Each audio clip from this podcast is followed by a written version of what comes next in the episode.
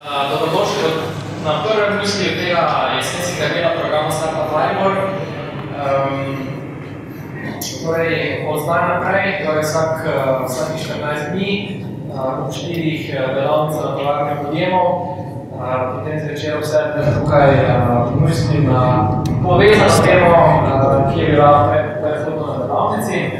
Uh, torej, vsi ker vidite nekaj novih obrazov, vsi, ki ste kupili v Mariborski podjetniški sceni, štartate podjetniške grejo, pa se sebe pričakujemo v tovarne podjemov.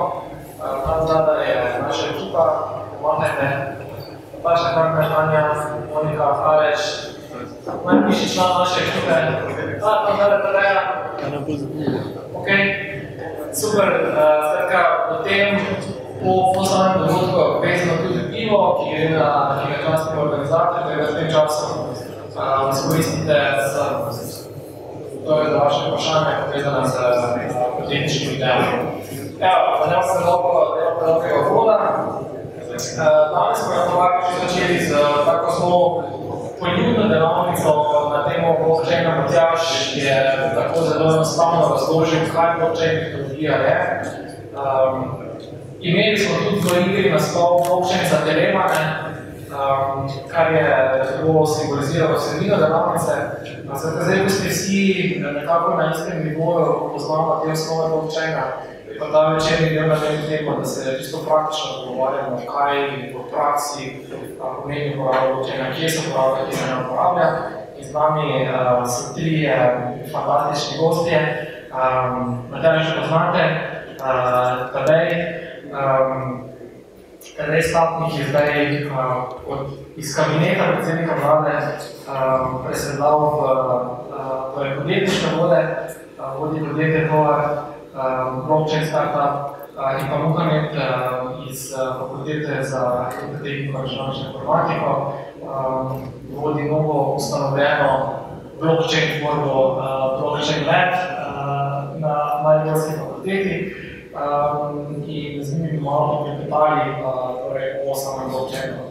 Um, pripravite se vprašanja, um, jaz je kolegica, imela dva lista vprašanj, tega se lahko uh, z mojimi vprašanji tukaj do jutri zjutraj. Um, verjamem pa, da imate kar sami nekaj vprašanj, zato ker aktivno dvignite roko, prekinite, če vas ne vidim, uporabite čim bolj mehke predmete, da jih držite tu naprej. Da vas oplatimo, kar, da izkoristite ta čas tukaj, da izveste to, kar vas najbolj zanima. Um, mogoče za začetek prvi krok vprašanj. Um, Muhamed, kako bi desetletnemu otroku razložil pojem blockchain? Tam zadaj mikrofon. Rekaj, spet za svoje rekel. To je zdaj, da se to, to je zdaj ponovitvena moja, da se niste, ki niste bili na Matjažu, da Muhamed. Desetletnemu otroku. Ok. Imamo večje legokocke, premera 10 cm. Vsaka lego figurica predstavlja določeno informacijo. Smo na rojstnem dnevu. Vsak od naših prijateljev ima isto število kot jih imam jaz. In potem si vsak od mojih prijateljev za eno od tistih lego koc misli, to je Superman. Vsi istega Supermana damo tisto eno lego kocko.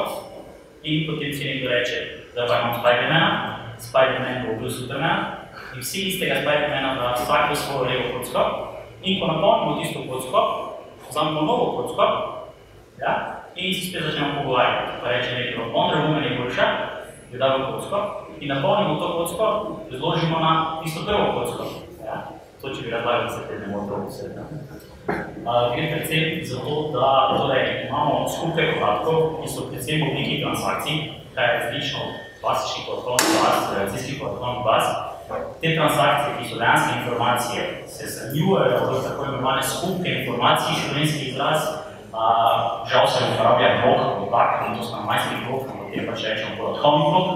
Ti bloki so povezani en z drugim, kriptografsko so podpisani, uh, zato ker vsak, ki je tvorec, te informacije, to tudi kriptografsko popiše, dokaže s tem, da je on tvorec, zato je kriptografsko popisano in vsi verjamejo in zaupajo, da to, ki je podpisal, In potem vsi, ki smo deležni v takšne enega omrežja, ki imenujemo peer-to-peer omrežje, medsebojno omrežje, vsi dejansko informacijo repliciramo oziroma potvojimo, kar je tudi ena od teh slabih lastnosti te tehnologije, trgovanja informacije uh, in seveda tukaj še odvada en mehanizem, ki se govorimo o različnih algoritmih drugo po vseh, kako takšnem porazdeljenem okolju se zdaj govoriti, kako si bomo zložili kocke na pravi način, da bomo vsi imeli zmeraj enake vrstni red in enako igračo v teh kockah.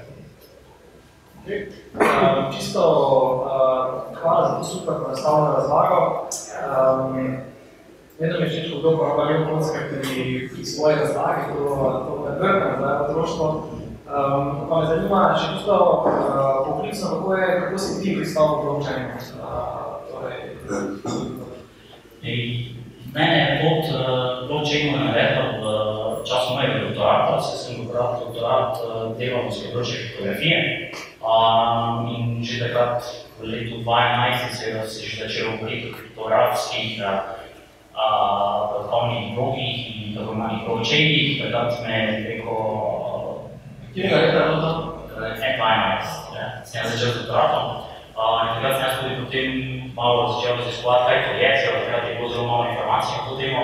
Ampak pač s letom in z vsakim letom študija, doktorskega študija, sem tudi spremljal to, ker bi bilo povezano z, s samo mojo temo raziskovanja, tako da tukaj je moja pot v blockchain. Torej, potem tako, če ti že 12 let raziskovalo, to ni nekaj stotno novega, kar se je bilo lani, ampak to že nekaj časa obstaja. Ja, zdaj ne bom rekel, da sem jaz to raziskoval, leta 2011 sem se jaz spoznal, tudi začel ugotavljati, kaj to je. Seveda pa takrat, tako kot rekel, čisto večina ljudi temu ni polagala veliko pozornosti, ki se mi zdelo to nič kaj tako revolucionarnega, ker se je ni cenil teh kripto narasla po nemogosti, takrat smo seveda se vsi začeli bolj s tem ukvarjati. Tadej, vprašanje zate, bo čisto na začetek. Tadej, tadej pri 18 in tadej danes, pri 18 letih in tadej danes, tadej, kaj si počel pri 18 in kje si, kaj si, kaj počneš danes? Uf. 18. Nič, šla v srednjo šolo, strojno, se ukvarjam z vodarstvom, z gradstvom, no zdaj pa še enkrat počnem se kar, da sem šel iz dela na vladi, delo v gospodarstvo, podjetništvo, seveda v področju hoče tehnologij. Okay, torej, poleg tole ste vključili še v Evropskem združenju, oziroma blockchain, to je še kako dediščina tvojega aktivnega delovanja še v času državnega sekretarja? Ja, res je, mi smo uh, tam od 2015 začeli se neko resno pogovarjati s predstavniki uh, takrat naših podjetij, takrat je bilo kar nekaj na področju blockchaina, uh, začeli delati skupaj, recimo iskati govore, kako spane regulacije biti približno tako hitro, kot bi bilo potrebno, da ti projekti ne iskali situacija zunaj pa Slovenije. In smo tudi naredili kar nekaj zavezništv, zdaj pa res, da smo tako hitro začeli sodelovati tudi na evropski ravni, z Evropsko komisijo, z njihovimi direktorati, tudi z drugimi evropskimi državami.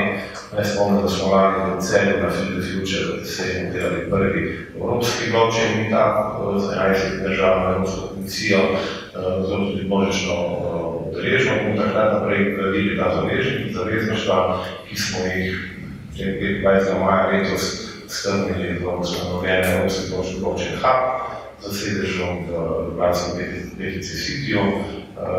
In res je, da v tem hubu seveda sodeluje predsednik svetovalnega odbora, da na nek način spaja ta dva svetova gospodarstva, podjetništva in na drugi strani država, predvsem Evropske komisije.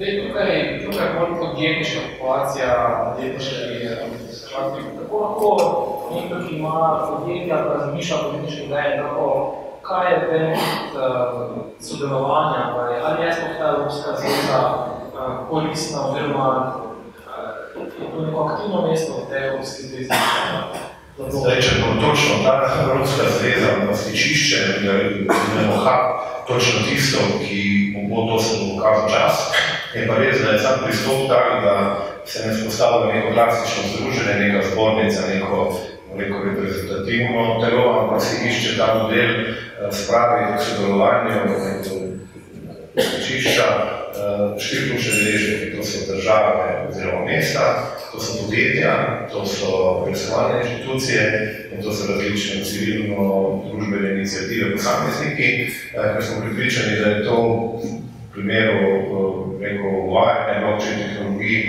tako strani podjetij kot strani javnega sektorja ključno.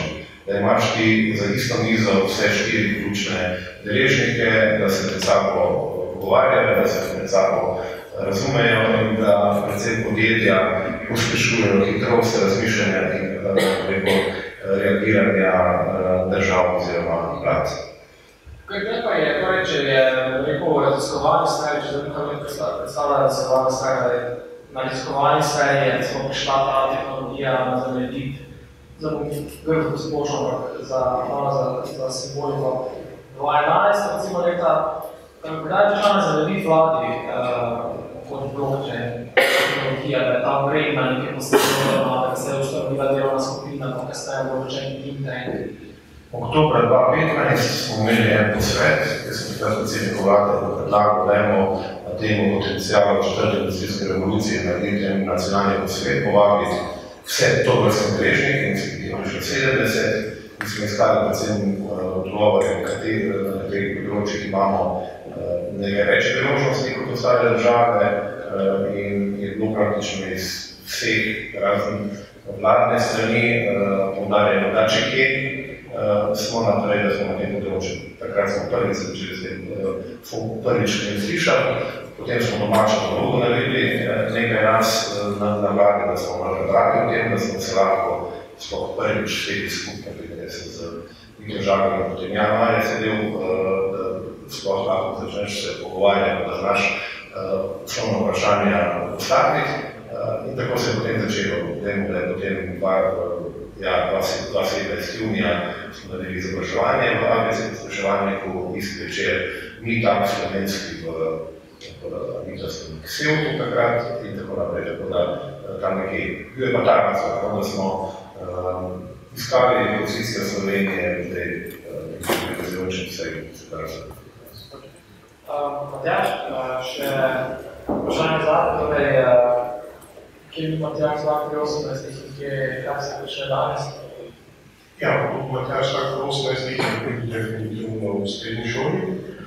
Um, ampak pač takrat je bil navdušenec nad mogoče temu nekimi novimi ali pa manj obskurnimi informacijskimi tehnologijami. Um, pa sem imel mogoče res srečo, ker sem dobro, ne pa 18, ampak ok, pa pred 19, pa 20, sem pa res že v bistvu bolj po nesreč se spoznal z internetom, ki zadeva izgleda približno tako, da mi je še pred rekla ti, a bi ti postavil vašo spletno stran, ker bi pa ravno spletno stran. Moj gor spletna stran, ja, ok, pa bomo, ne. Um, mislim, da to je bila ne številka 7 ali 8 v Sloveniji spletna stran. Um, in te blockchainu zdaj je pa tudi zelo podobno, sem nekaj padel v smislu variantov poklicov ti, a pa če bi tle mi nekaj naredili, ne, pa spet se je začel z, uh, pa pa je to, ne, aha, ok, v redu, da je to bilo drugo tretje in pač moram reči, da me danes zelo navdušuje, ker mislim, da ne vem, če bi še imel, oziroma najprej se niti nikoli nisem predstavljal, da bom kot Slovenc lahko v neki po moje tako pomembni tehnologiji oziroma konceptu, kot je blockchain za prihodnost, bil tako, tako na začetku zraven, da osebno, ker se to dela, ne pač če spet vleče pripravljamo z internetom, ker je bil zraven v ekipi, ker je tisti, ki je bi izmorno. Zdaj, um, ko si rekel, torej, privilegij, da si lahko v bistvu v tem času, ko smo praktično vsi delamo, ko se taka pogledno nova prebojna tehnologija um, ustvarja, pa v bistvu še železo kupuje, Kako pa vi, različni izvajalci, različnih sfer, ocenjujete eno tako splošno razgledanost in sposobnost ljudi, poslovnežev o blockchainu? Ja, kako poznamo to abecedo, da bomo lahko s pridom uporabljali Ja. od ena do pet? Mislim, ta, ta ocena mora biti relativna. Ne? Pač v Sloveniji v danem trenutku, glede na razširjenost sploh zadeve, jo poznamo med 4 in 5. Pač v Sloveniji smo zelo izobraženi, da rečemo, oziroma je zavedanje okrog blockchaina zelo široko. Jaz to sem imel na, prej na predavanju, ta zadnji slajd, je bilo, da že, to je zdaj že skoraj eno leto nazaj, bila raziskava, da v Sloveniji recimo za kriptovalute, torej konec leta 17, slišali približno 60 ali skoraj 70 odstotkov ljudi že. Kar je tako v Evropi kot globalno zelo nadpovprečno, sploh pa recimo, ko je bil internet v tej dobi razvoja, pa ne vem, če je tistih 5% ljudi recimo že slišalo za. Tako da tle je zdaj, se definitivno vidi, da je ta pretok informacij pa um, awareness veliko večji. Ja, zagotovo tudi zaradi pač vsega finančnega efekta, kar je zadeva vredno. Torej, mogoče zvrhno takšno to vprašanje. Ja, jaz sem to vprašal teritorijalno, kje, ne, in se s tem jaz odjažam, v Sloveniji je tega zavedanja, pa znanja primerjalno z ostalimi državami ogromno. Čist primer, prejšnji teden je bilo prvič na ravni OECD v Parizu uh, policy forum o potencijalnih blockchaina, mislim, bo 96 držav, 700 udeležencev in v veliki meri so predstavniki gospodarstva, gospodarstva držav bi na enih petih, desetih odstotkih, če se zdaj. Predstavniki seveda Slovenije smo bili pa frontrunnerji tako na tem, kaj smo že naredili, koliko dobrega, koliko priložnosti izpustili, tudi tega je bilo veliko nažalost, ne, tu smo šlo naprej. Tako je pa res, da pa, da pa država kot so Francija, Nemčija, pa kar dohajajo in ne bi na teh nevoljih osnovah. Če bi zdaj mogel omeniti Evropsko državo, ki pa je tak lahko super vzor, kar se tiče blockchaina, katera bi bila številka ena? Slovenija. To je po eni strani Malta, veliko kjer zastavlja, čeprav zopet na način, da res aktivno privabi velika podjetja, velike investitorje, tako, koliko to dolgoročno državno vprašanje. Švica ne ni verujem, tako. Bi rekel tu, da pričakujem sam, da bo Francija, da je dobro, ne bi dali ta paket rešitev, mislim, da se bo mislim, postavila, da bo tem težko. Ampak ujeti, ampak da bo zelo dobro na pametno slediti. Hvala. Koliko procentov študentov uh, sanja o svojem ICO-ju in blockchain projektu? 9 od 10. Mislim, da med desetimi si pa sami vsi, vseh deset, kako naj si v uspešnem projektu, ampak ne, mislim, da relativno, realno gledano, recimo vsaj iz učilnic, kaj sem jaz recimo videl, ko sem, ko sem tudi predaval tematiko študentom, je rekel, kaj 50% je tudi dobro poznalo tehnologijo, neko spet relativno dobro, 20% bo prvič, ko so slišali, 20% pa zdaj, ko so res zelo dobro znali, so ne, tudi dohitevali z vsemi razlagami, ki sem jih predaval. Sam pa mogoče, če se vrnem na več, konkretno večno vprašanje za Slovenijo. Pri Sloveniji je ta pojav, da Slovenci imamo zelo visoko izobražene prebivalce. Sploh smo vsi izobraženi in tudi imamo to izobražen, imamo ta čut za samo inicijativo. Zato je tudi v Sloveniji toliko teh startupov. In ta sama inicijativa in ta visoko izobraženost, mislim, da je posledica tudi temu, da toliko ljudi tudi pozna to novo tehnologijo kot je blockchain. Uh, sam pa ne mislim, da sem zdaj nekakšen poznavalec teh blockchain tehnologije, ampak vseeno pa mislim, da večina ljudi pozna, kaj ta tehnologija je, ampak tisto, da res, res poznavajo, recimo to, kaj je potrebno, recimo tako, da ta delavnica bila enodnevno učenje, kaj to je, oziroma spoznavanje, takih nam ni dosti.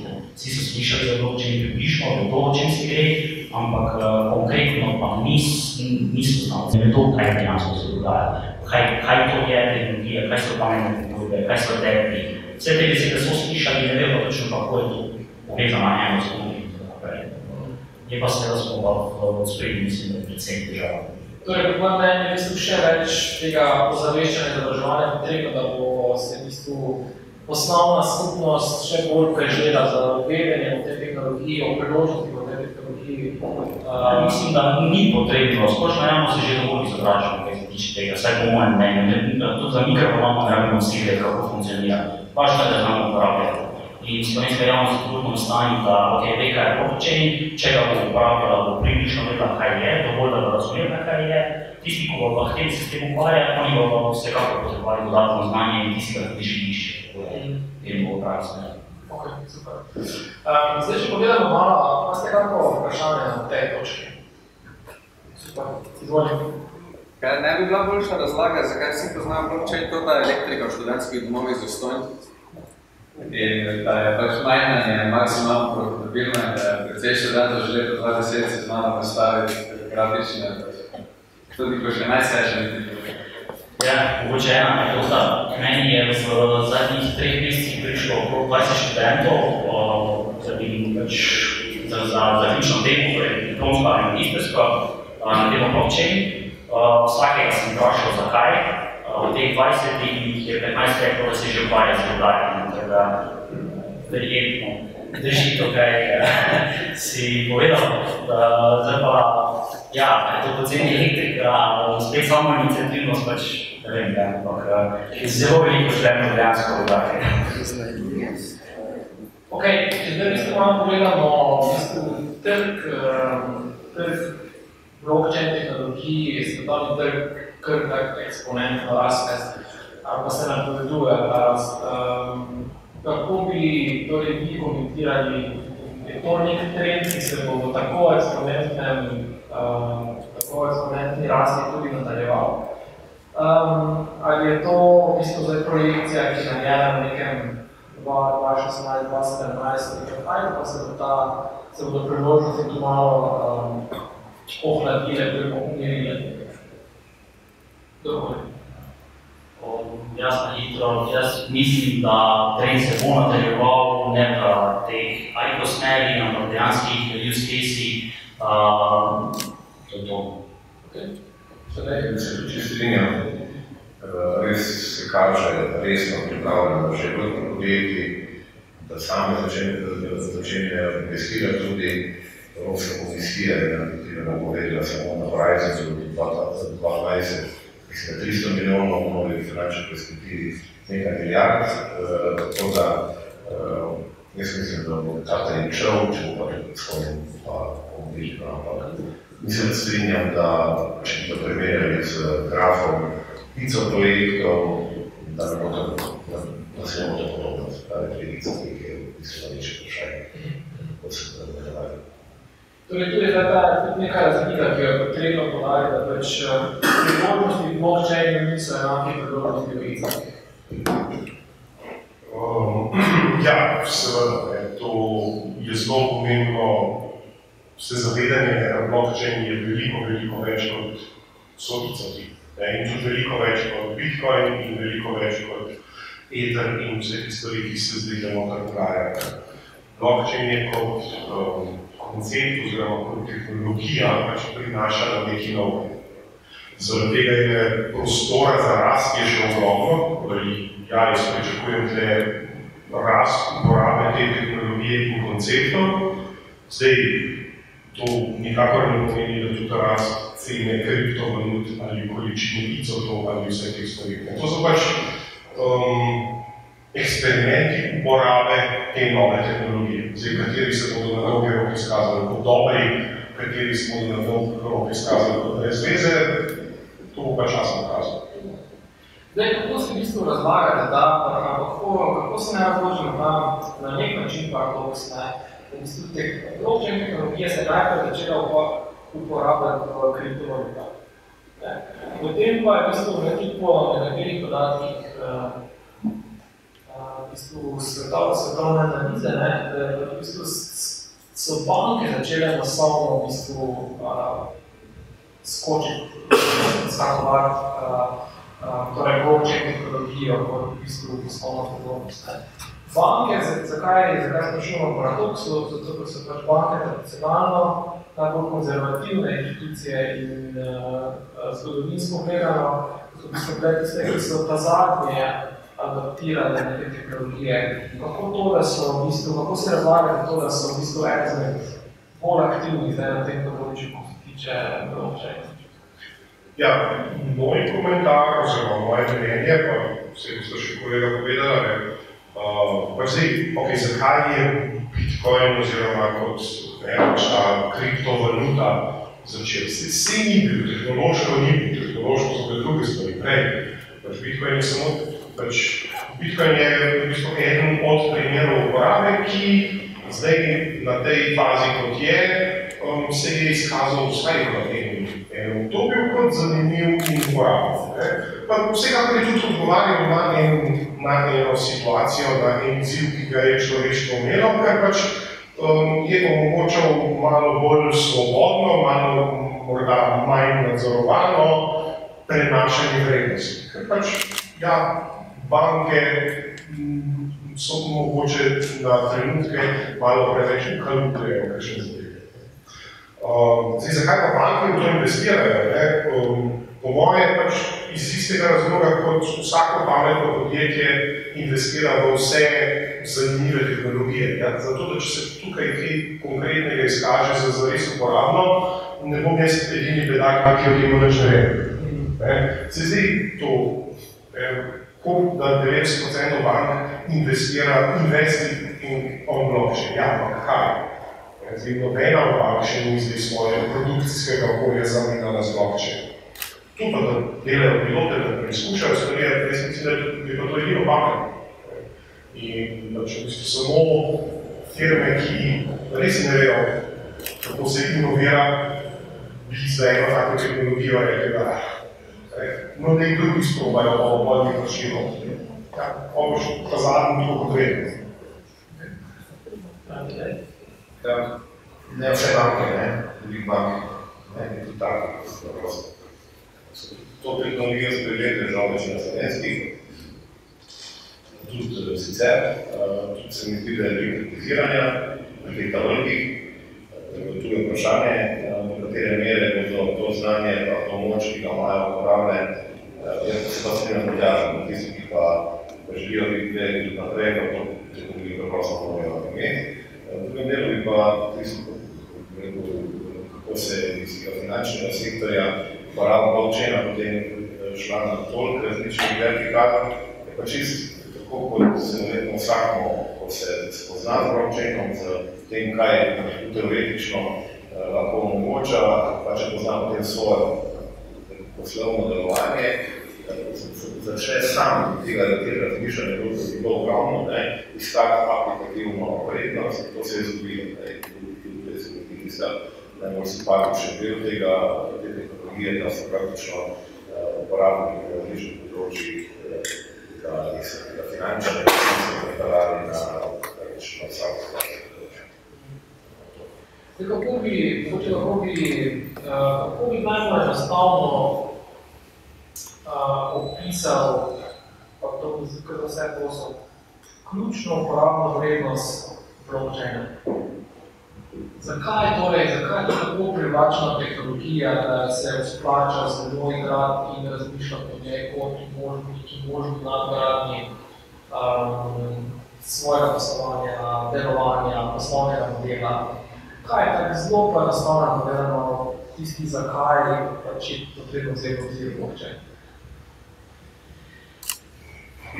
Zdaj, moje mišljenje je, da pravi primer uporabe tehnologije bližnje blokov blockchain je takrat, ko imamo porazdeljeno okolje, torej to mrežno okolje, digitalno okolje, katerem živimo, katerem sodelujemo s potencijalnimi sodeležniki ali partnerji, s katerimi si ne zaupamo popolnoma In potrebujemo mehanizem, ki nam bo omogočal poslovanje, ki bo kljub temu, da smo porazdeljeni globalno in poslujemo preko digitalnih omrežij, da nam bo omogočal, da kljub temu, da si lahko zaupamo in kljub temu rekel učinkovito poslujemo.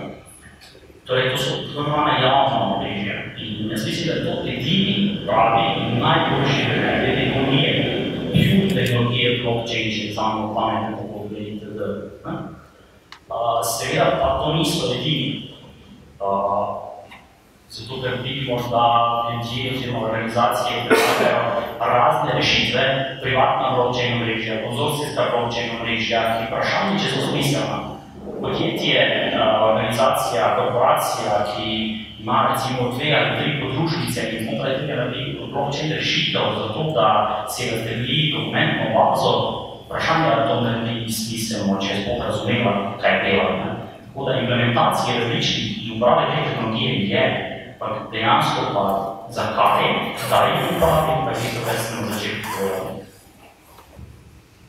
Se strinjam protokol zaupanja, pravi, da funkcionira lahko vsem deležnikom in tudi to, kar si sicer ljudje zelo težko, tudi če se dolgo poslujemo, ne moramo spostaviti tega prepotrebnega zaupanja pri poslovanju.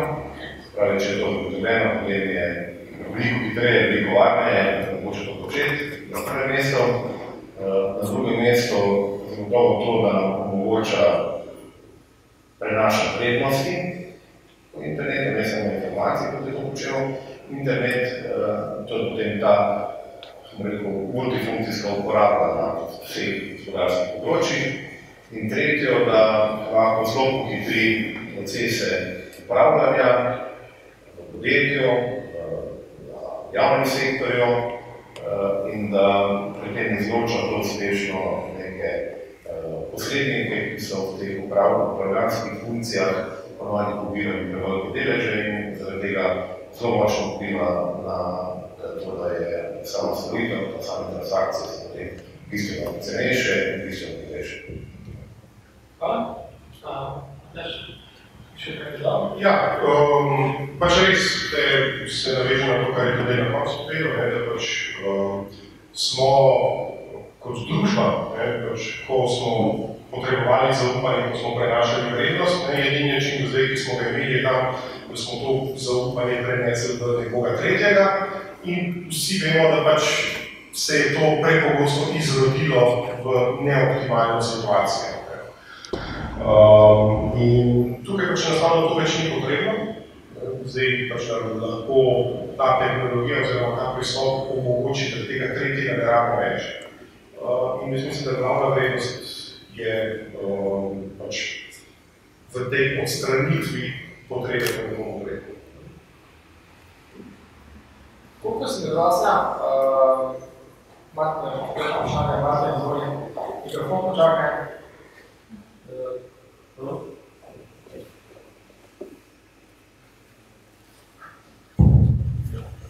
Uh, kontra vprašanje, kaj pa po mnenju vas treh največja slabost, pa potem konkretno ena izmed slabosti je stabilnost. Katera rešitev stabilnosti po vašem mnenju najbolj verjetna? Zdaj se govorijo, da bo sharding, plazma, ne vem kaj se. Se pravi, prvo vprašanje, katere po vašem mnenju dejansko največja slabost, pa drugo komentar za to eno izmed slabost. Mislim, zdaj, jaz, jaz si pač vse te porodne težave in kritične težave, ki jih zdaj ima in še v slabost, to je pač normalno stanje mladosti tehnologije. Um, tudi zdaj, če bi mogel neko um, slabost, ki jo blockchain zdaj ima v tem trenutku, je najbolj ves hype, ki se je zgodil okrog celotnega ekosistema, ki ga v tem trenutku bremza.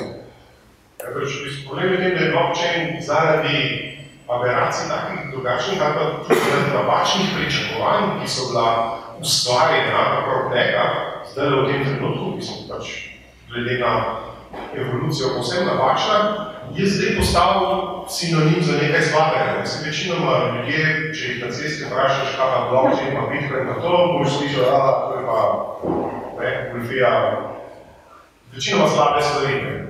In, in mislim, da to je trenutno največji, uh, največji minus, ki ga ta ekosistem ima.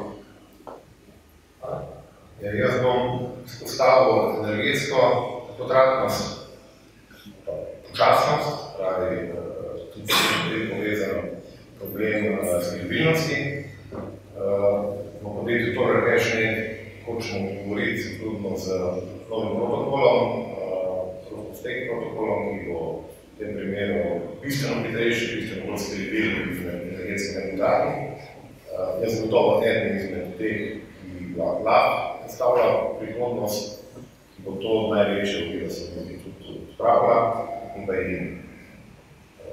Dodal bi še, da pri splošnem, ne samo pri tehnologiji, en velik, velikih ovir je tudi to, da se na regulatornem področju, pa ne samo regulirana kriptovalut, ampak predvsem tudi same tehnologije počasi, bo potrebno vendarle začeti v tej meri razumeti, da bomo znali standardizirati in tako narediti res uh, uporabno, da tudi to poteka prepočasi, to se tudi ugotavlja širše, da je tu uh, ta zelo precejšna, ampak tu ni odvisno samo. Lahko je vprašanje samo, nekaj stvari predstavljeno vladom, ali me zanima, katero stene želite pri regulaciji?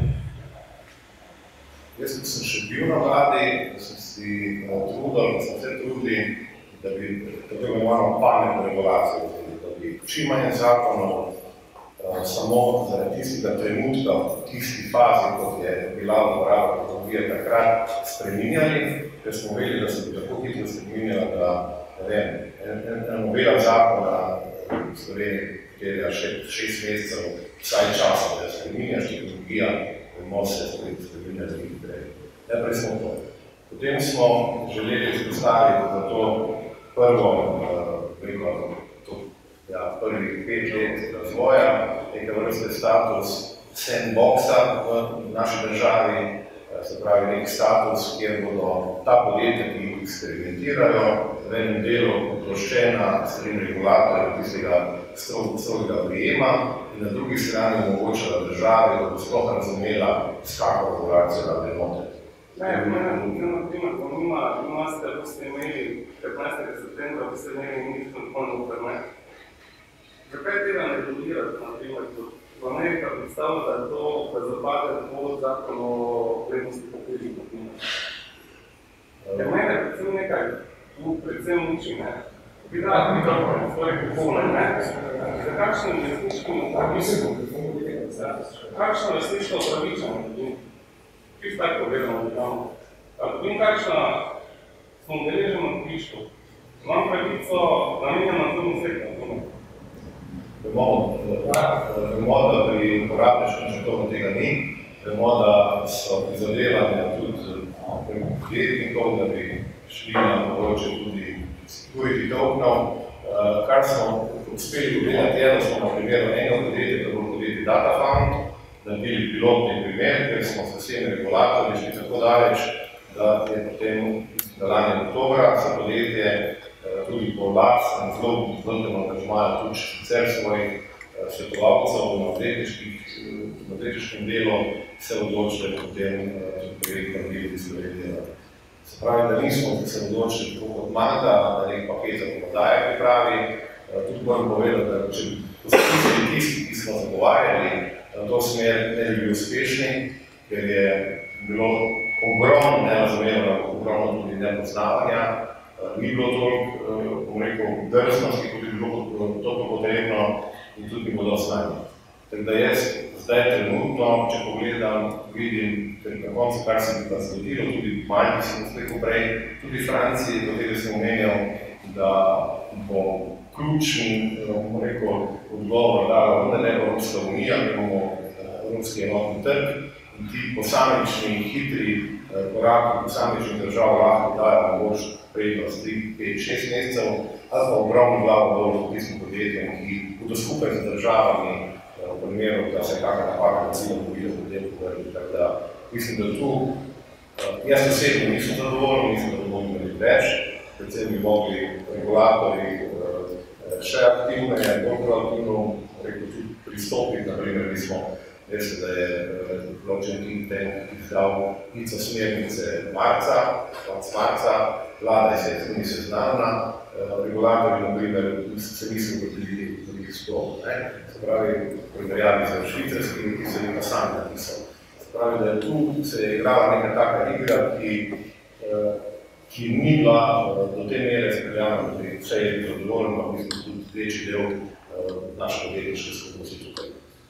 Kako bo naprej, jaz upam, da bo šla Evropska unija to drzno naprej kot gre, upam, da bo tudi slovenska vlada nova, ko bo se s tem zagrabila, pa da bo nov finančni minister imel do tega področja drugačen pogled, pa zdaj že Kako? mnenje centralne banke Evropske? Kako? Mnenje Evropske centralne banke, no, določeni potem pač komuniki želijo, da bo kriptovaluta, da bi bila fiat, ne?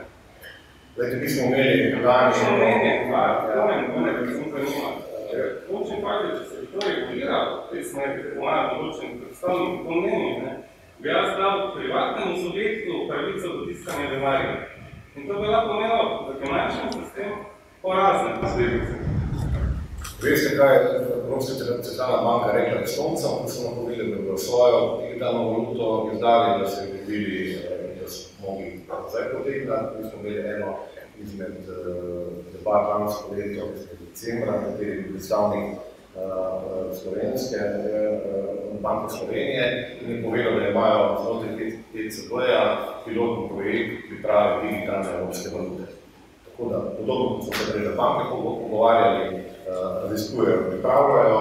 Če bodo ugotovili, da bo zadeva prišla tako daleč, absolutno jaz mislim, da bo enotna evropska valuta pripravljena in da se ne bo prešilo po predvsem tem delu, kjer imamo države evro, da vsaka država izdala svoje. Mora pa do tega priti? To prihaja tudi po nekaj strani s tem, kako se podjetje, kako se projekti razvijajo, kako se haj postavlja ali pa ne, in kako se ta prava regulacija dejansko dela, nekaj, da se samo spremlja in potem, ko regulatorji dobijo neki pogled, začnejo bolj ko ne za nazaj ali za sproti zadevo postavljati, ne pa da bi neke proaktivne regulative se pripravljali, da tu nekje smo. Mar, moram reči mogoče vprašanje, oziroma gor, tvoje, tvoj pogled Martinovega vprašanja o slabostih uh, pa uh, negativnih uh, elementih tehnologije. Zdaj, teh slabosti, teh je kar nekaj, razširljivosti vsekako. Uh, jaz pa mislim, da je ena od prednosti te tehnologije, hkrati tudi njena slabost. In to je nespremenljivost, uh, ne možnost brisanja podatkov. In mi že zdaj imamo težavo, recimo pač tisti, ki smo recimo v, vključeni v ta protokol, kako je koliko podarja, da imamo te valute, smo dejansko že prekrško, je v protokolu oziroma na sami verigi podatkov so že vsebine, ki so ilegalne, torej pornografske slike, torej kdorkoli je trenutno udar in udari, ima otroško pornografijo dejansko shranjeno v svojih bazi podatkov oziroma teh verigah podatkov. In to se seveda ne da zbrisati. To, da se ti podatki ne da zbrisati, seveda prednost, zaradi tega imamo tudi ta, to tehnologijo, ampak je potem tudi hkrati njena slabost. Prvič, zaradi GDPR-a, torej splošne uredbe za varstvo podatkov, kako bo ta tehnologija odgovorila na zahteve GDPR-a. Že zdaj vemo, da različna podjetja, organizacije, banke a, se dejansko bojijo tega, od 1. maja je stopilo to in strahujejo, če imajo vse pod kontrolo. Uh, dejansko pa se vsi sprenevedamo, da blockchain tehnologija pa je prerogativ, je, je preko, uh, nima spora s GDPR, pa dejansko pa ima in to je še potrebno rešiti. Torej, razširljivost kot taka je tehnična težava, ki jo rešuje različne platforme. Jaz bi predvsem izpostavil to, in tu se vidi eno teh, reko, nespecifičnih znanj splošne populacije. Tukaj je Martin našteval, so uh, izboljšave, ki jih protokoli tebi predlagajo, torej šarting, state channel, CTD. Ma, mi pa poznamo različne platforme, tako stola rečne to svoje. Imamo Neo, imamo uh, Hashgraph, imamo Yoto, imamo različne platforme, ki so temeljijo na različnih podatkovnih strukturah in rešujejo na različne načine uh, to, to težavo z razširljivostjo. Ampak v primeru, da rešijo to težavo z razširljivostjo, pa so si recimo omejile neko prednost, ki pa jo druga platforma ima.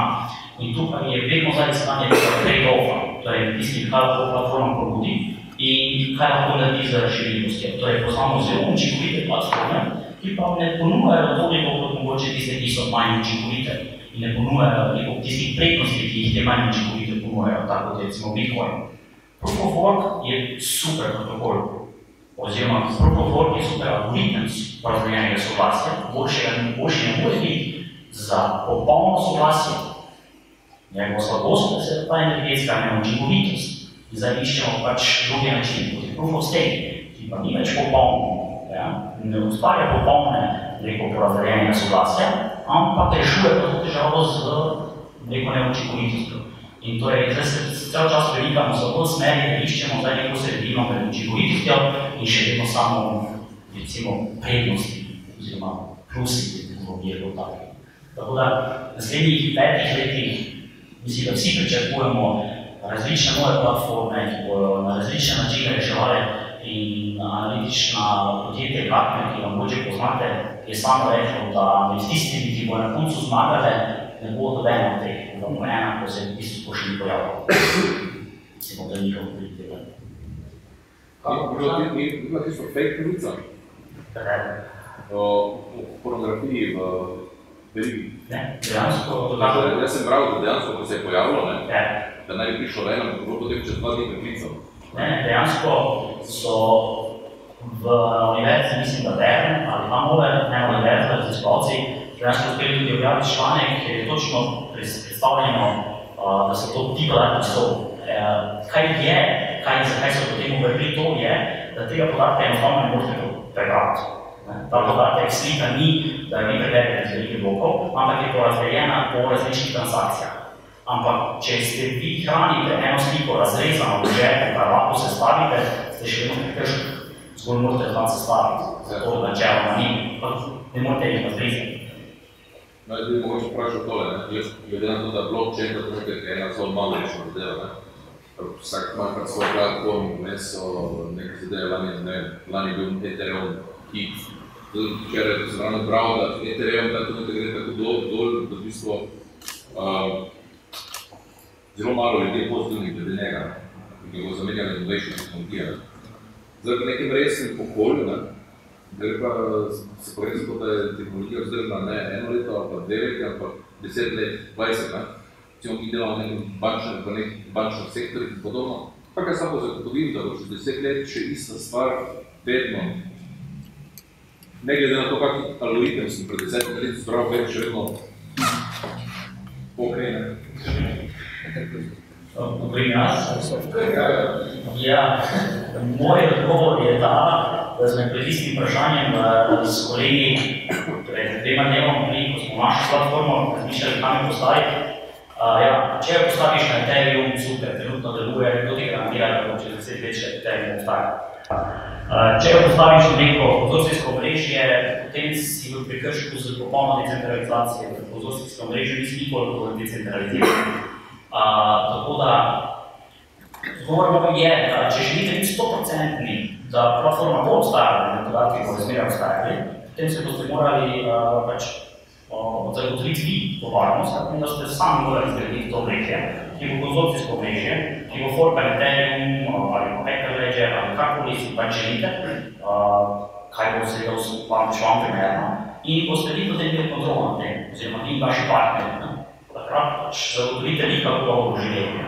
Ampak ste v prekrški s tem, če, če pa imate potrebo po popolni decentralizaciji, potem to seveda ne pride pošteno.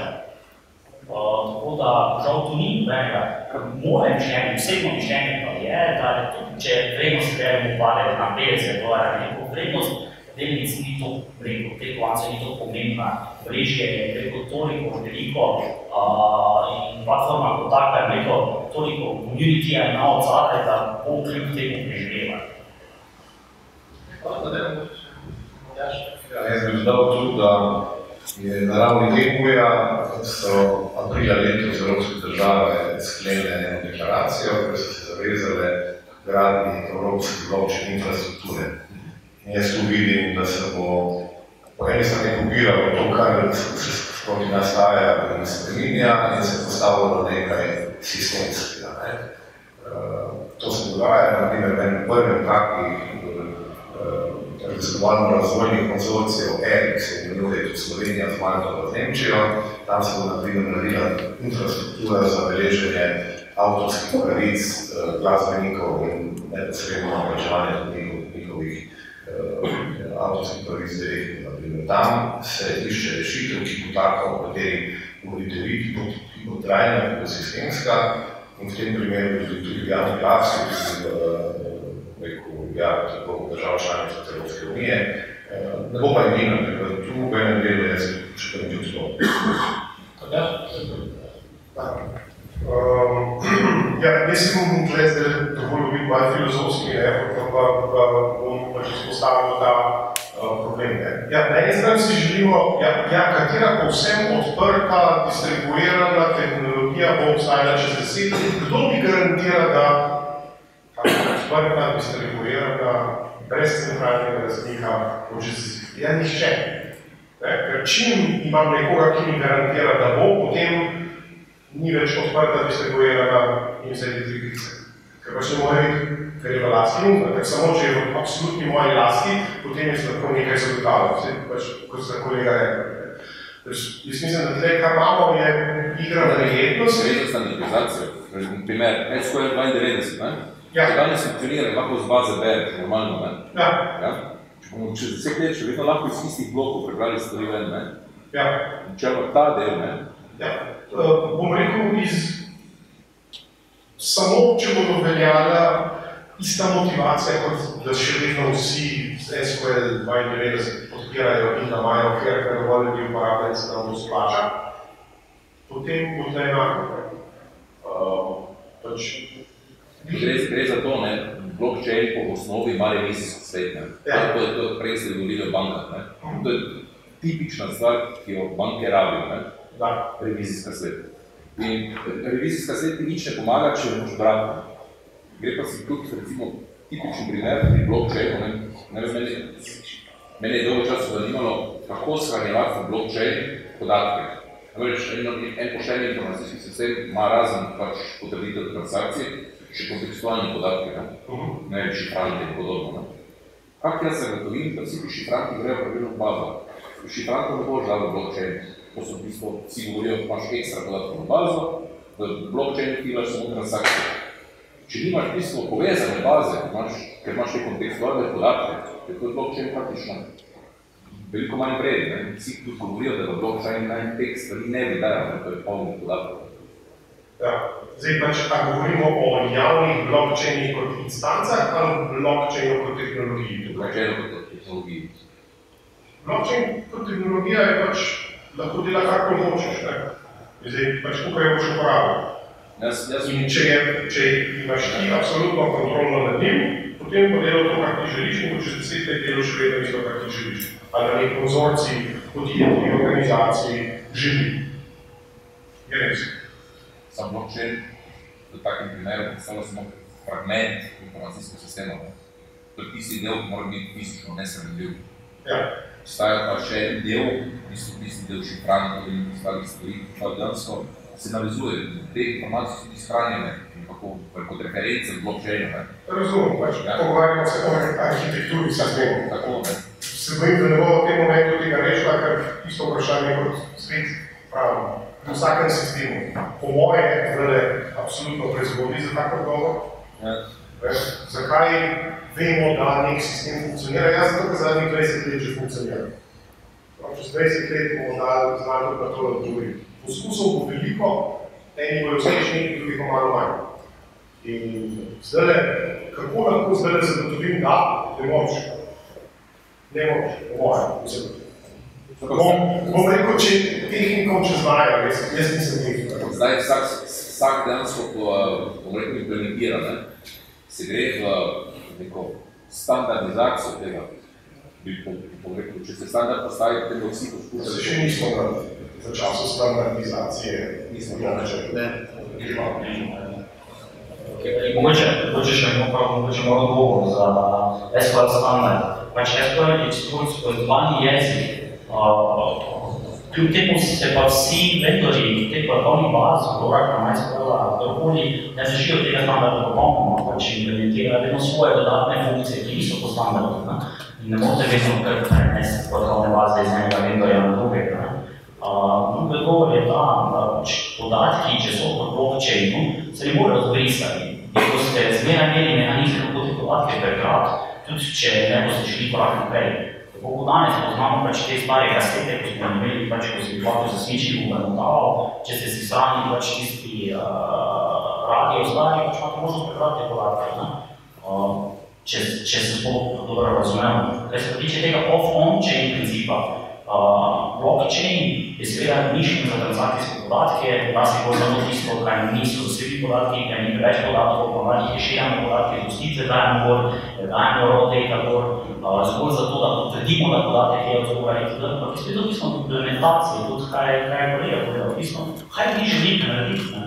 In če imate vi off-chain rešitev, torej svojo racijsko bazo, ker imate šifranke itd., potem je spet na vas naloga, da vaša relacijska baza, nove svoje mojstva, da pač karkoli imate na tistem stanku in vi zdržujete. Tisto, če pa nahranite v javnem omrežju kot Ethereum, tisto pa spet morate zaupati, da bo ostalo. Če ne, pa spet implementirate svoje verzije blockchaina, katero in spet vi upravljate tako kot svojo relacijsko bazo, ali na svojo bazo boste isto, isto tak blockchain upravljate. Tako da, načeloma, ne vidim tu težave. Hvala, da se premaknemo, ker počasi uh, zaključujemo, oziroma se premikamo nazaj v te debate. Um, torej, področje uporabe, kot je, to je samo ena izmed podobnih uh, sklik, uh, torej, tako imenega blockchain ekosistema, pač je že ogromno. Um, praktično ni industrije panovi, kjer pač ni bilo projektov na blockchain uh, tehnologiji. Um, zdaj, na, bi lahko izpostavili enega izmed teh ekosistemov ali pa industrij, ki se je do zdaj izkazal, v katerem se je do zdaj izkazala uporaba blockchain tehnologije kot nekako najbolj obetavna oziroma smiselna. In na podlagi tega lahko sklepali tudi, pa bi potegnili neko, neki trend v prihodnosti, da bo to tista industrija, ki bo nekako najbolj smiselna na drugi strani odbora največ tudi poslovnih priložnosti za, za blockchain. Ker um, vprašanje za vse, Matjaš Počel. Um, jaz ne bi mogel, po, moje osebno je še prezgodaj za kakršno koli tovrstne sodbe.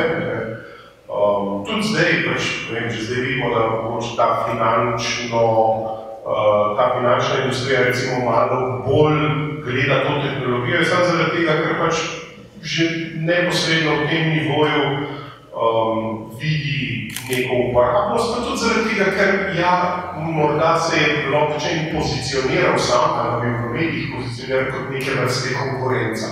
In pač jasno, treba konkurenco zelo dobro spremljati. Uh, mislim, da v tem trenutku spet ni še enostavno je prezgodno, da bi rekel, da je v teh, teh področjih bo pa odličen. Pač jaz mislim, da lahko izhajamo največ iz tega, da pač kater problem rešuje, to je problem zaupanja, zdaj pa hitro ugotovimo, da praktično v vseh industrijah to, to imamo, tako da neko svojo vlogo umel. Če grem na moj absurdni primer, tudi smo kar naprej leta, tega sem poslušal reči, kje bo pa internet boljši. Ja, danes vemo, da vse poslušamo. Jaz tudi ne bi posebej izpostavljal posamičnih uh, področji, čeprav se v Sloveniji večkrat vprašujem nad področje energetike, naprimer se je to pokazalo, tudi vprašanje, če bo šlo tako naprej, glede na to, da je na evropski pa na globalni ravni regulacija tam tudi zelo toga, uh, bi pa se drugače se vprašal, uh, na katerih področjih želimo uporabljati to tehnologijo, zakaj uh, in s kakimi učinki. Mi se tudi trudimo, naprimer, povezovati s to inicijativo Združenih narodov z njihovimi cilji trajnostnega razvoja. Ki poznate, SDG, Sustainable Development Goals 2030, uh, globalni pakt vseh držav, kako želimo ta planet peljati naslednjih 15 let. In tu se, naprimer, trudimo zelo navezovati, uh, naprimer, konkretno, kaj lahko naredi pri ne večje energetske učinkovitosti, kar je na področju boljše dostopa do izobrazbe.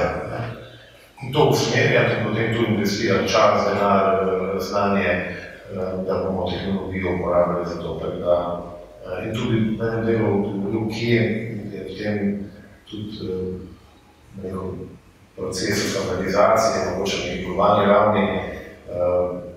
Naprimer, jaz, ko sem bil v Ženevi letos aprila, je UNCE, to je Evropska, Evropski oddelek za gospodarstvo Združenih narodov, ki je prevzel neko lastništvo nad tem,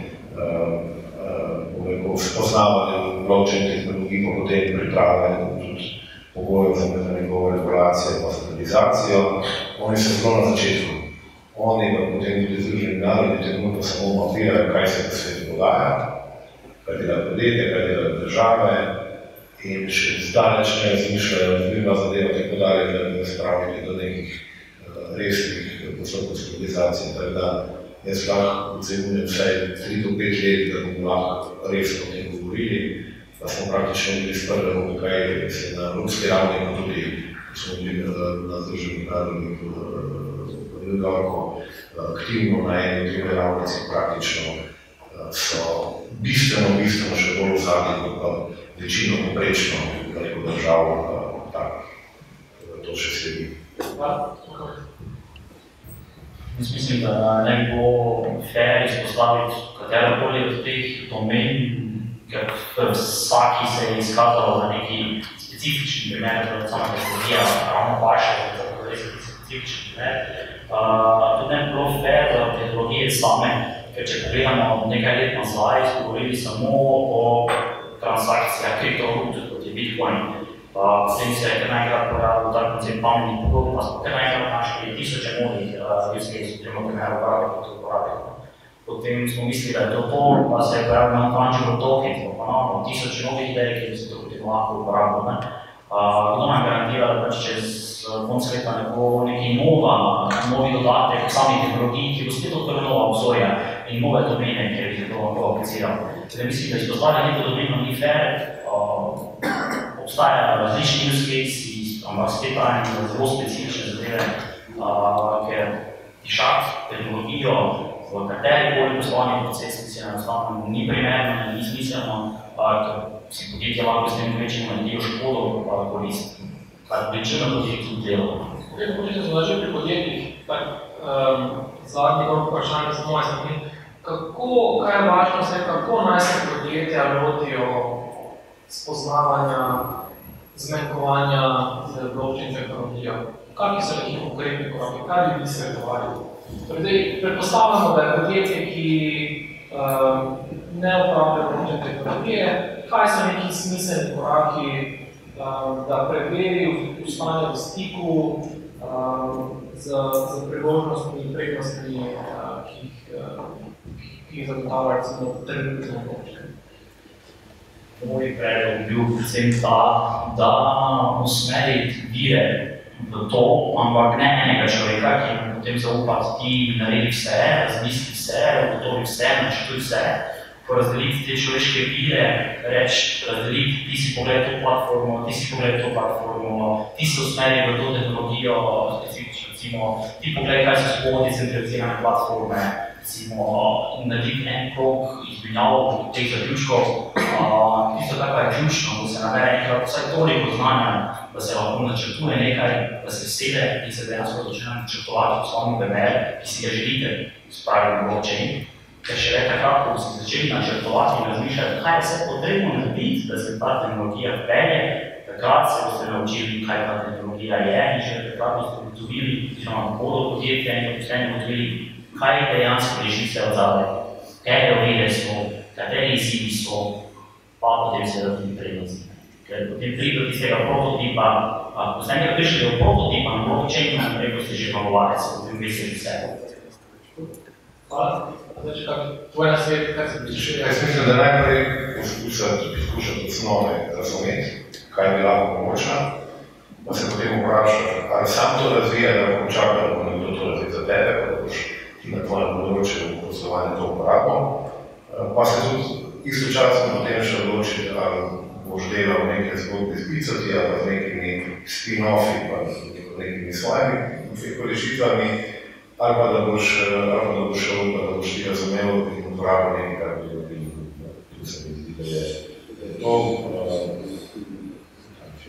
Pa mogoče si predstavljamo tudi, da um, razvijati danes rešitev na blockchainu je relativno drago, da so razvijalci, uh, drago popraševanje po tej tehnologiji, pa razvijalci, skupnost še vedno relativno mala, primerjavi z, ne vem, dotnet razvijalci. Ne. Uh, torej, raz, razvijati sam pomeni danes razvijati celo drago, ne. Je to res, ali je to Seveda je res, jaz tudi kar poslušam, smo bili vsi zelo navdušeni, da je to slovenski podjetij bo tudi uspešno, da je tudi začelo poslovati. Od začetka naprej se začela sama opozarjati, opozarjati, da je praktično nemogoče biti resne sodelavce, da je cena vsepočila, da je to tudi največji izziv, zaradi tega je tu, se bom zdaj navezal nazaj, bilo vprašanje, zakaj je primeru kabu, pri izločiščih, to vrstnih konceptih, je potrebno nekaj korake narediti za to, da bomo pravočasno lahko usmerili zagotovili tudi uh, znanje, pa ljudi, ki bodo to uh, lahko delali, ker je pa svojno primerno govorili za koncept. Uh, vem, da tudi pripravlja, uh, pripravlja določene rešitve, platforme na tem področju, povezovanja, uh, povezovanja razvijalcev z podjetji, ki išče naprimer te rešitve, konkretno na Hamu, če lahko pa resno razmišljamo, da bi povezali Evropo pa Azijo, vemo, indijski bazen je zelo močen na tem delu, tudi v enem delu potem ostale države rečne vzhodne Evrope, pa ne na ta način, da jih preprosto odpeljemo in jih pripeljemo k nam, ampak da jih damo projekte, ki materijalno in da izkoristimo to možnost tudi, da je počest, da je kjergirno. Pa, da je še kakšen komentar na korake implementacije?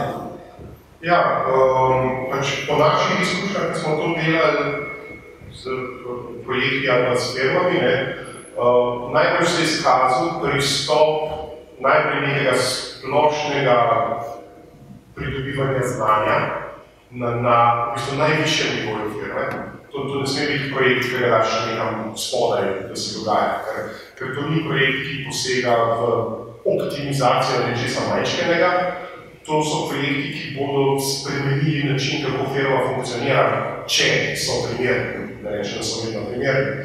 In kar pomeni, da, so, da mora biti podpora za nekaj tacga in s tem tudi razumevanje, mora priti z najvišjega nivoja organizacije. Pač to ne more spontano nekaj nizko nastati, to je prva zadeva. In potem druga zadeva je pa pač v bistvu vse zadeve lotiti iz um, nekega uh, razumevanja, v kater del posla, v katere poslovne procese oziroma v katere uh, uh, morda poslovne modele, ki obstajajo v podjetju, na katere ta zadeva vpliva in na katere bi lahko izboljšala. Ker ni to, to, tukaj se moramo res zavedati, da se pogovarjamo o disruptivni tehnologiji. To ni nekaj, kar samo izboljša neko malo zadevo. Lahko jo gledamo kot tako, ampak potem bomo od njih dobili 10%. Če jo pogledamo uh, veliko širše, kot kaj nam lahko zadeva omogoča, kako lahko ne nazadnje, ali pa kako bi morda mi tudi naš poslovni model prilagodili temu, kar nam ta tehnologija oziroma koncepti omogočajo in s tem dobili neko dodano vrednost ali konkurenčno vrednost v trgu, potem je zadeva lahko uspešna. Drugač bo to vsaj na kratki rok, pa ravno zato, ker ja, razvojniki so dragi, vse te stvari so zdaj zelo drage in ni šans, da če to gledaš samo kot tehnologijo, ki nadomesti nekaj večnega, um, se ne bo splačala.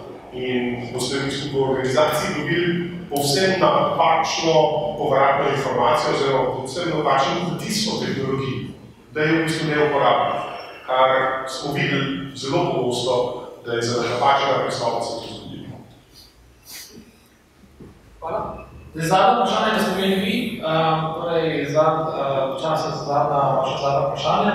Vas malo stimuliramo, zadnje vprašanje imamo tukaj uh, dve, dve majčki, blockchain in uh, Lema Univerze Maribor. Tako da, roza si, ne? To ne pomeni, da ste samo za ženske, ne, tudi uh, odvisno je od možnega, kako se vam nosite roza, ne, torej možni lahko zastavite vprašanje, ali pa zastavite svojo razmerjevalko, tako da evo, zadnja, da ne bi vprašanje zadane na majčko, imamo M pa S, tako da tudi to mogoče ne vidite. To ne strašno.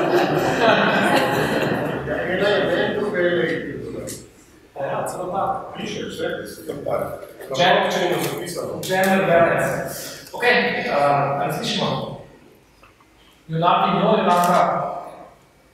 Pa tudi moški novici lady, majčki, ne, to so vse generacije. To je zato tudi tisto, ne, to sem se pravi predstavil. Ko ste pravili za, ko ste pravili za pametne pogodbe, ne, mene zanima, ste, imate sploh na vidiku rešita primer ničnosti, pa razveljavitve pogodbe. Ker vi pravite, da blockchain se ne more spremeniti. In to je smart contract največji problem. Vidim teraz. Ok, samo uh, M ali uh, lady ali imamo moški majčki. Lahko date serijo, tam potem. Uh, bom jaz začel, pa pol bom še strokovnjaka poskusil gledati.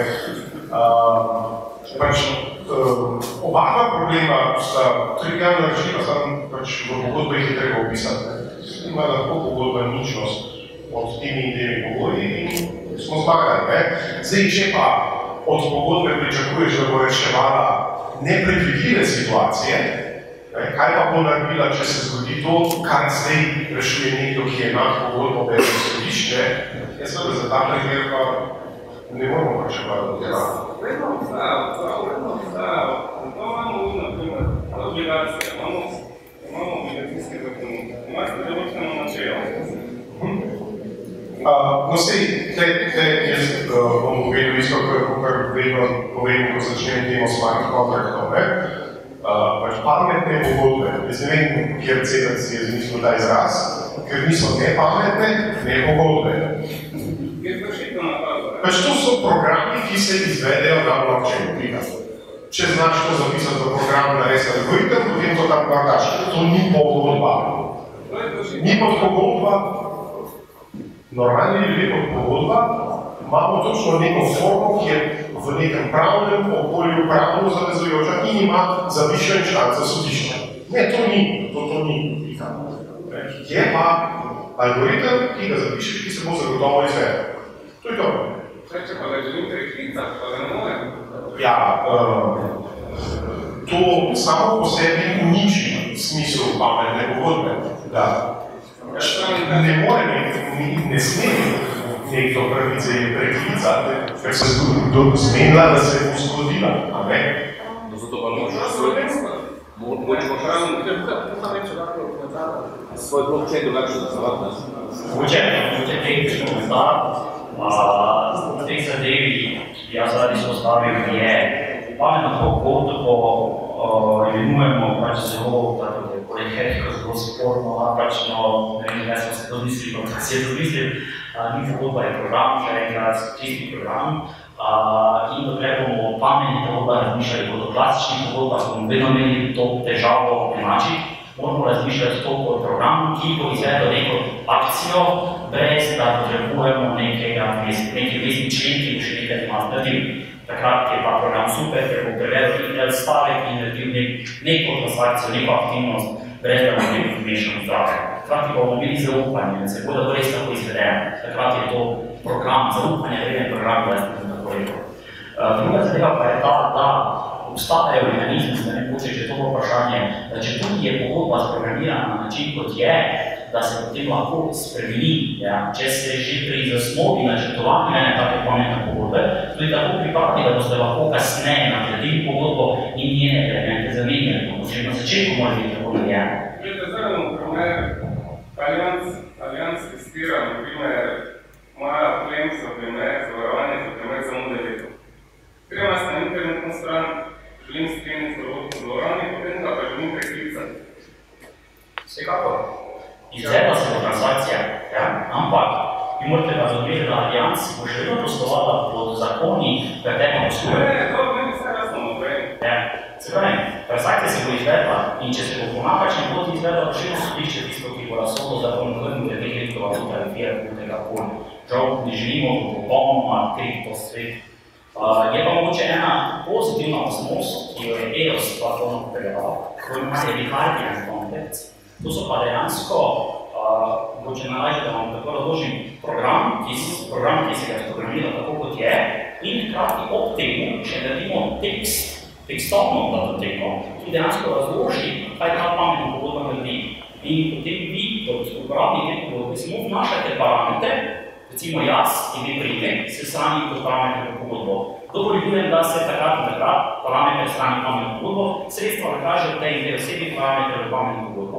In ko potem vi to pogodbo sprogramirate, ko se skompajana pogodba srani v recimo ta virtual machine Verosa, se hkrati tudi ta tekstovna datoteka, ki je potem tekstovno zavezujoča, tudi zbravno, se točno ve, kaj je smisel te pogodbe, tudi srani v blockchain in da treba, da pride do kakršnega koli nesoglasja, da jaz nisem tega hotel tako narediti, se pa vsaj vidi tekstovno, da če nisi mislil, si pa vsaj imel tekstovno napisano, kaj se bo naredilo. Ja. Tako da si ne moreš potem reči, ne, jaz nisem mislil, da to deluje tako, ali pa da se bo to zgodilo tako ali tako. Ne. Ja, ampak je pa pač predvsem skupaj pomembno, da zdaj odvisno, katere cilj iščemo. Zdaj, ali iščemo ekvivalent trenutnemu sistemu, torej da lahko jo je s tem nisem tako mislil, in imam višjo inštanco, ki potem ad hoc o tem razsodi. Mislim, za, za tisti primer pogodbe o zavarovanju, če hočem prehitati, ja, v redu, sam spišem tak program, ki ima funkcijo prehliči in se ga bo prehicalo in bo meni kot, ne vem, alijanci bo dal pogodbeno kartno 5 poslov, pa ostali 95, ali pa mislim. Ne, to, to ni problem. Sam, pač, kot vsak drug program je treba naprej predvideti.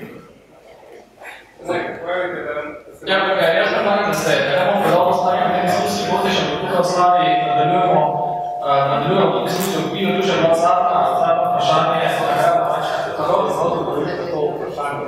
Ok, drugo je vaše vprašanje, če lahko odgovorite na to vprašanje. Dokončno. Zdaj, pozdravljam se, da se preveč pravno, da se ti pogovarjal z občenom. Ne, dejansko, tako se že pisal, oziroma sokodača, želimo reka, smart contract delov že v tehnologiji, da se to čisto napačno razume. Tako to neki contract ne smart. To je pač program sokoda.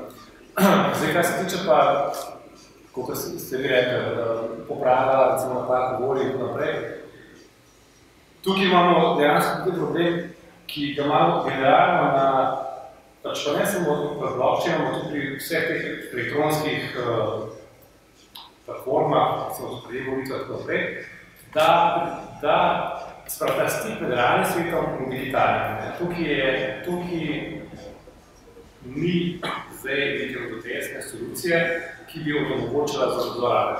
Druga zadeva, ki pa je, ki pa v bistvu malo kontradiktorno, recimo z konceptom blockchaina, ki je, katerega je ena od oblik, tudi slabost je nezpremenljivost pač ledgerja, je bil v tem, da če mi naredimo tem, da temo tako, da lahko na kraju popravljamo, smo v bistvu sesuli eno od temeljnih uh, dobrih vlastnosti blockchaina. Se pravi, če, če tem damo, da, da eno inštanco, ne, se pravi, na centralno korporateto, ki lahko posega v blockchain, smo pošiljali na začetku, se pravi, imamo spet tako, ki lahko pa potem tudi veze delo. Hvala za komentar. Evo, eh, zaključili smo s komentarjem eh, našega gosta. Eh, jaz na tem mestu se zahvalil vsem trem, ki boste na super debato. En aplaus.